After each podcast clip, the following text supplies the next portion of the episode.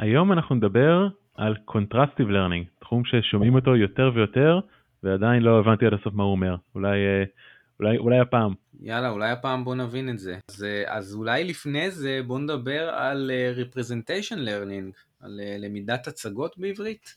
האמת שאין לי מושג, בוא, בוא נקרא לזה למידה הצגה. יש אגב במתמטיקה איזה תחום שנקרא תורת ההצגות, אבל זה משהו אחר. אז כן, אז תראה, representation learning זה בעצם למצוא ייצוג אחר לדאטה שלנו בצורה כזאת ש... ש...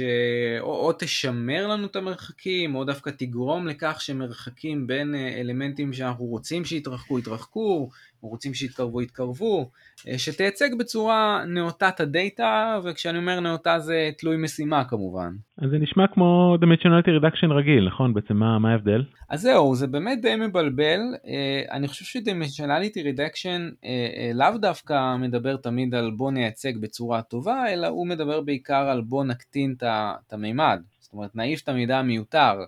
לאו דווקא ש, ש, שמרחקים בין אלמנטים דומים יהיו דומים וכן הלאה, אה, אבל בהחלט יש חפיפה בין הבעיות האלה. זאת אומרת כאילו דימנשנליטי, אתה אומר הוא לומד טוב מאוד לכווץ, אבל לאו דווקא מה שהוא כיווץ יהיה קרוב אחד לשני. נכון, ויתאים ל... ל, ל per משימה, כן. אז, אז, למה, אז למה אנחנו צריכים את זה? זה, איזה באמת משימות אה, נהנות מריפרזנטציה מוצלחת? אז השימוש העיקרי שאני מכיר זה באמת בתחום ההמלצה. זאת אומרת, אם אני יודע לייצג user ואני יודע לקרב אותו ככה שיוזרים דומים יש להם וקטורים דומים, אז משם זה בעיה די קלה לעשות כבר חיפוש איזה k-nearest neighbors ולהמליץ לך על סרטים שראה user שדומה לך. זה יישום דוגמה להמלצה. וכנ"ל בעולם הפרסום.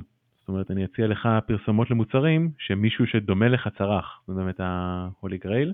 ויש אה, לא מעט פריימורקים אה, שעושים את החיפוש המקורב של וקטורים בצורה מאוד מהירה. הידועים זה NMSLIB ו-Faiss, שזה ראשי תיבות של Facebook AI Similarity Server. באופן כללי נראה לי שהדבר הכי כללי שאפשר להגיד על למה representation טוב זה בעצם כי אם אתה מצליח לעשות ריפרזנטציה טובה אז אתה גם יכול לעשות transfer learning לכל דבר אחר. אה, למשל המאמר שעוד מעט נדבר עליו, CMCLR אה, אה, עושה, עושה באופן, באופן, עושה self supervised, זאת אומרת עושה מאמן דאטה בלי תיוגים על איזה שהם משימות ואז, ואז עושה איזשהו transfer learning, זאת אומרת איזשהו אימון יחסית קטן יותר בממדים שלו עם תיוגים. אוקיי, מה, אז מה, מה עוד עושים עם representation טוב שלא אמרנו? אז מבחינתנו, once יש לי ייצוג טוב, אני יכול או לעשות קלסיפיקציה, או אפילו סתם clustering, למצוא את כל התמונות שקשורות למשהו זהה טקסטים שמדברים על אותו דבר בלי לדעת על מה הם מדברים. פשוט uh, להניח שאם הוקטור דומה, אז גם המשמעות הסמנטית דומה. ויישום מאוד נפוץ זה מה שנקרא few shot learning או few shot classification, שמתייגים נורא מעט uh, תמונות או טקסטים, ומסתכלים פשוט כל דוגמה חדשה למה היא קרובה, בהנחה שה representation עובד טוב. כן, וכמובן גם נושא של uh, החזור מידע או חיפוש מידע.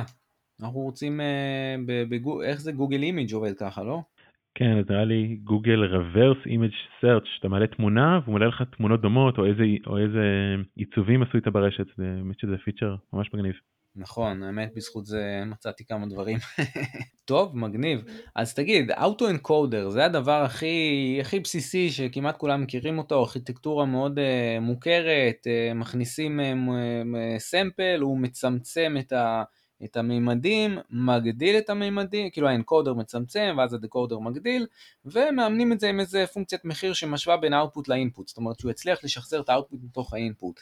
זה, זה אחלה ריפרזנטציה, לא? אז האמת שכן, האמצע, הבוטלנק של אוטו אנקודר, זה אחלה ריפרזנטציה. השאלה פה שקצת עולה זה למה שתמונות דומות יהיה להם רפרזנטציה דומה, והתשובה, ה, בוא נגיד זה ככה, הפרקטית זה שלפעמים זה קורה טבעי, זאת אומרת אפילו בלי שאילצנו את זה, יוצא שה-cosine similarity של שני, של וקטור הבוטלנק של שתי תמונות דומות יוצא דומה איכשהו באקראי, אבל אנחנו רוצים יותר מזה, אנחנו לא רוצים שדברים יקרו באקראי, אנחנו רוצים פה קצת שליטה, וזה קצת אה, מוביל אותנו לארכיטקטורה שנקראת אה, רשתות סיאמיות. יצא לך לשמוע? Uh, כן, כן, uh, זה, זה, אני, אני רק אולי אחזק את דבריך, שלא רוצים לתת לזה לקרות ליד המקרה, אלא גם אנחנו רוצים אפילו לשלוט במה זה נקרא תמונות דומות. האם הן דומות כי הן מאותו הקלאס, או הן דומות כי הן באותו מצב זוויתי, או דומות כי הן, מה, אותו מרחב צבע? כאילו זה, זה בעצם מאוד תלוי בעיה.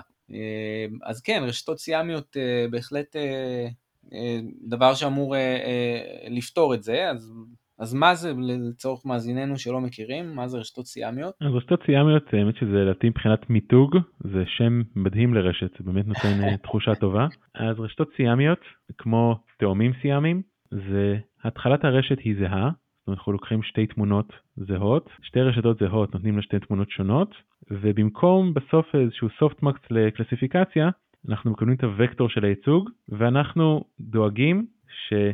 שני הייצוגים יהיו דומים ב cosine similarity, כמו שאנחנו מחפשים. ואז אני נותן לרשת, נגיד שני תמונות של כלבים, שני תמונות של חתולים, אומר הם צריכים להיות דומים, כי הם באותו class, וככה אני מאלץ את ה loss לאפטם את ה cosine similarity ולא משאיר את זה ליד המקרה. נכון, ואגב, משתמשים ברשתות סיאמיות בבעיות שאין לנו הרבה דאטה, small data sets, ואגב, אחת הסיבות לזה היא ש...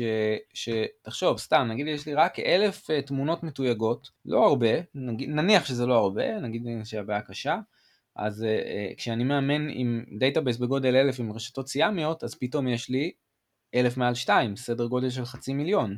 כאילו לא סדר גודל, זה בדיוק חצי מיליון תמונות, כי יש חצי מיליון זוגות אפשריים של, של, של, של תמונות. אז כאילו הדאטה שלי הוא פתאום גדול יותר. אבל אני חייב להגיד שברמת האינטואיציה, הסיבה למה רשתות סיאמיות עובדות כל כך טוב, זה כי אה, לי יצא פעם לעבוד על בעיה של זיהוי יתושים. וכשאני, בתור בן אדם, ניסיתי להבין איך נראה יתוש כזה, איך נראה יתוש כזה, אז, אה, אז אתה יודע, עברתי על תמונות והסתכלתי, ו, ויתושים נראים מאוד דומים. מה הכי עזר לי באמת להבין אה, ש, שאיך נראה יתוש כזה ואיך כזה? כש, כשהסתכלתי עליהם בו זמנית ביחד, על ה class הזה ועל ה class הזה. כי כשאתה עובר אחד-אחד, אז אתה יודע, קשה לך להבין, אבל כשאתה משווה, אז, אה, אז שם נופל לך האסימון מה, מה הפיצ'רים שבאמת מאפיינים כל class. וזה אני חושב העיקרון, זה לפחות האינטואיציה לדעתי מאחורי רשתות סיאמיות. אז באמת שלב אחד אחרי uh, תאומים סיאמים, זה למה לא uh, שלישייה סיאמית. וזה בעצם מביא אותנו ל loss חדש שנקרא triplet loss. אני חושב שזה אחד הרעיונות הפשוטים, אני חושב שזה המימוש הראשון, לפחות למיטב ידיעתי, של מה שנקרא Contrastive Learning, למידה על ידי קונטרסט, על ידי השוואה, הרעיון הוא מאוד uh, פשוט וחמוד ואפקטיבי. ניקח uh, שלושה, שלוש תמונות, שלושה קטעי טקסט. אחד מהם יהיה העוגן שלנו, השני יהיה משהו דומה, כמו רשת סיאמית uh, רגילה, והשלישי יהיה משהו שהוא לגמרי שונה. וה loss הוא איזשהו שקלול כזה שאמור להרחיק את הדוגמה, להרחיק את הייצוג של הדוגמה השונה הרחק מהשניים שאנחנו רוצים שהם יהיו דומים. כן, זאת אומרת לקחת את השל... ההבדל בין השלילית לעוגן צריך להיות גדול מההבדל בין החיובית לעוגן. בדיוק. אה, כן, זה בהחלט מגניב, ואגב גם פה הדאטה שאתה, אם שוב, גם פה אם יש לך אלף תמונות אז אתה בעצם יכול לאמן triplet loss עם אלף מעל שלוש, שזה זה, זה, זה, זה, זה שישית מיליארד, זה, זה מאות מיליוני, אה, אה, זאת אומרת, דוגמאות שאתה יכול לאמן איתן. אה, מגניב. אז זה מוביל אותנו למה שנקרא למילה האחרונה, למאמר של אינטון, Simple Framework for, for Constructive Learning of Visual Representation, מה שנקרא SIM-CLR.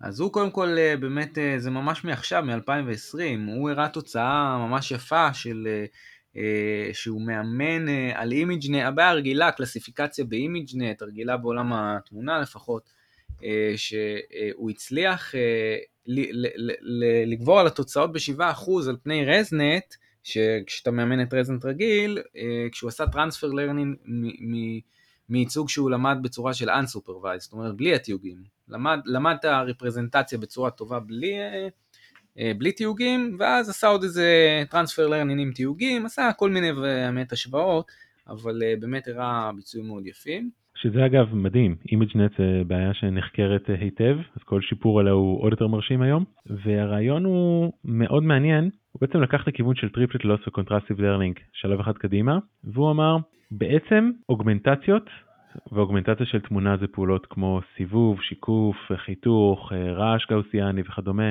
אה, משחקים הצבאיים, הם צריכים להיות מיוצגים דומה לתמונה המקורית. אז בעצם מה שנעשה שם זה לוס שהוא לא בשלושות אלא הוא, ב... הוא כללי, הוא לאין תמונות, שהוא לוקח אין אוגמנטציות של תמונה, מקרב אותם לייצוג של התמונה, ולוקח אין תמונות אקראיות אחרות מהדאטה סט, ומרחיק את הייצוג שלהם מהתמונה המקורית. מגניב, מגניב לגמרי, רעיון יפה, ו... ובאמת, אה, והוא נתן שם כמה, כמה הבחנות במאמר, אה, בעצם השכבה האחרונה שלו בסופטמקס היא בעצם אה, נדרשת לעשות מפריד לינארי בין הקלאסים, אז איך הכי, אז, אז זה בעצם הרעיון של ריפרזנטציה, בוא נמצא ייצוג כזה טוב ונלמד אותו, כאילו טוב כמה שניתן ונלמד אותו בלי uh, תיוגים, uh, כדי שאחר כך ההפרדה הליניארית תהיה, יהיה לה מאוד קל באמת uh, להפריד בין uh, קלאסים. נכון מאוד, זה באמת אה, רעיון מאוד מאוד יפה ובעיקר התוצאות מאוד מרשימות, וגוגל בניפס 2021 אפילו לקחו את זה שלב אחד הלאה. מה שצוות של הינטון עשה, הם אימנו את הרפרזנטציות בצורה unsupervised, ואז עשו fine-tune לבעיית הקלסיפיקציה, ומה שמתבקש לעשות זה ללמוד את הרפרזנטציות והקלסיפיקציה ביחד. שני דברים בעצם השתנו פה. אצל הינטון לוקחים תמונה ואוגמנטציות שלה, ועוד תמונה אחרת באקראי. לצורך העניין יכול להיות שהתמונה שבחרתי באקראי היא מאותו class. זאת אומרת לקחתי כלב, עשיתי לו אוגמנטציות, סובבתי אותו, מתחתי אותו וכדומה, ואז בתור תמונת נגד, בתור תמונה שלילית, לקחתי עוד כלב. אז אומנם קירבתי את האוגמנטציות, אבל הרחקתי עוד תמונה מאותו class, ובעצם הקשיתי על ה softmax אה, בלי כוונה, סתם כי השלב הזה לא מודע לקלאסים. Mm-hmm. אז באמת מה שמתבקש זה פשוט לבחור מה שנקרא negative mining, לבחור את ה negatives בצורה יותר אה, אינטליגנטית. יפה. עוד דבר שהם שמו לב זה ש softmax הוא בעצם מקרב רק את ה class הנכון. הם שינו טיפה את ה loss והם הראו שכאשר לוקחים הרבה תמונות אתה בעצם גם uh, מקרב או מרחיק גם קלאסים אחרים שהם לא קשורים ל class שאתה עובד עליו כרגע. כן, זה לא בשליטתנו כי זה unsupervised בשלב הזה.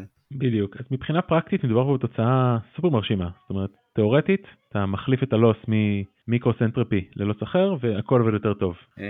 טוב, יפה מאוד, uh, נשמע מגניב, אז אנחנו נשים כמה קישורים uh, בהקשר הזה של contrastive representation theory, learning והמאמר הזה של הינטון של SimCLR, המון תודה ונתראה בשבוע הבא.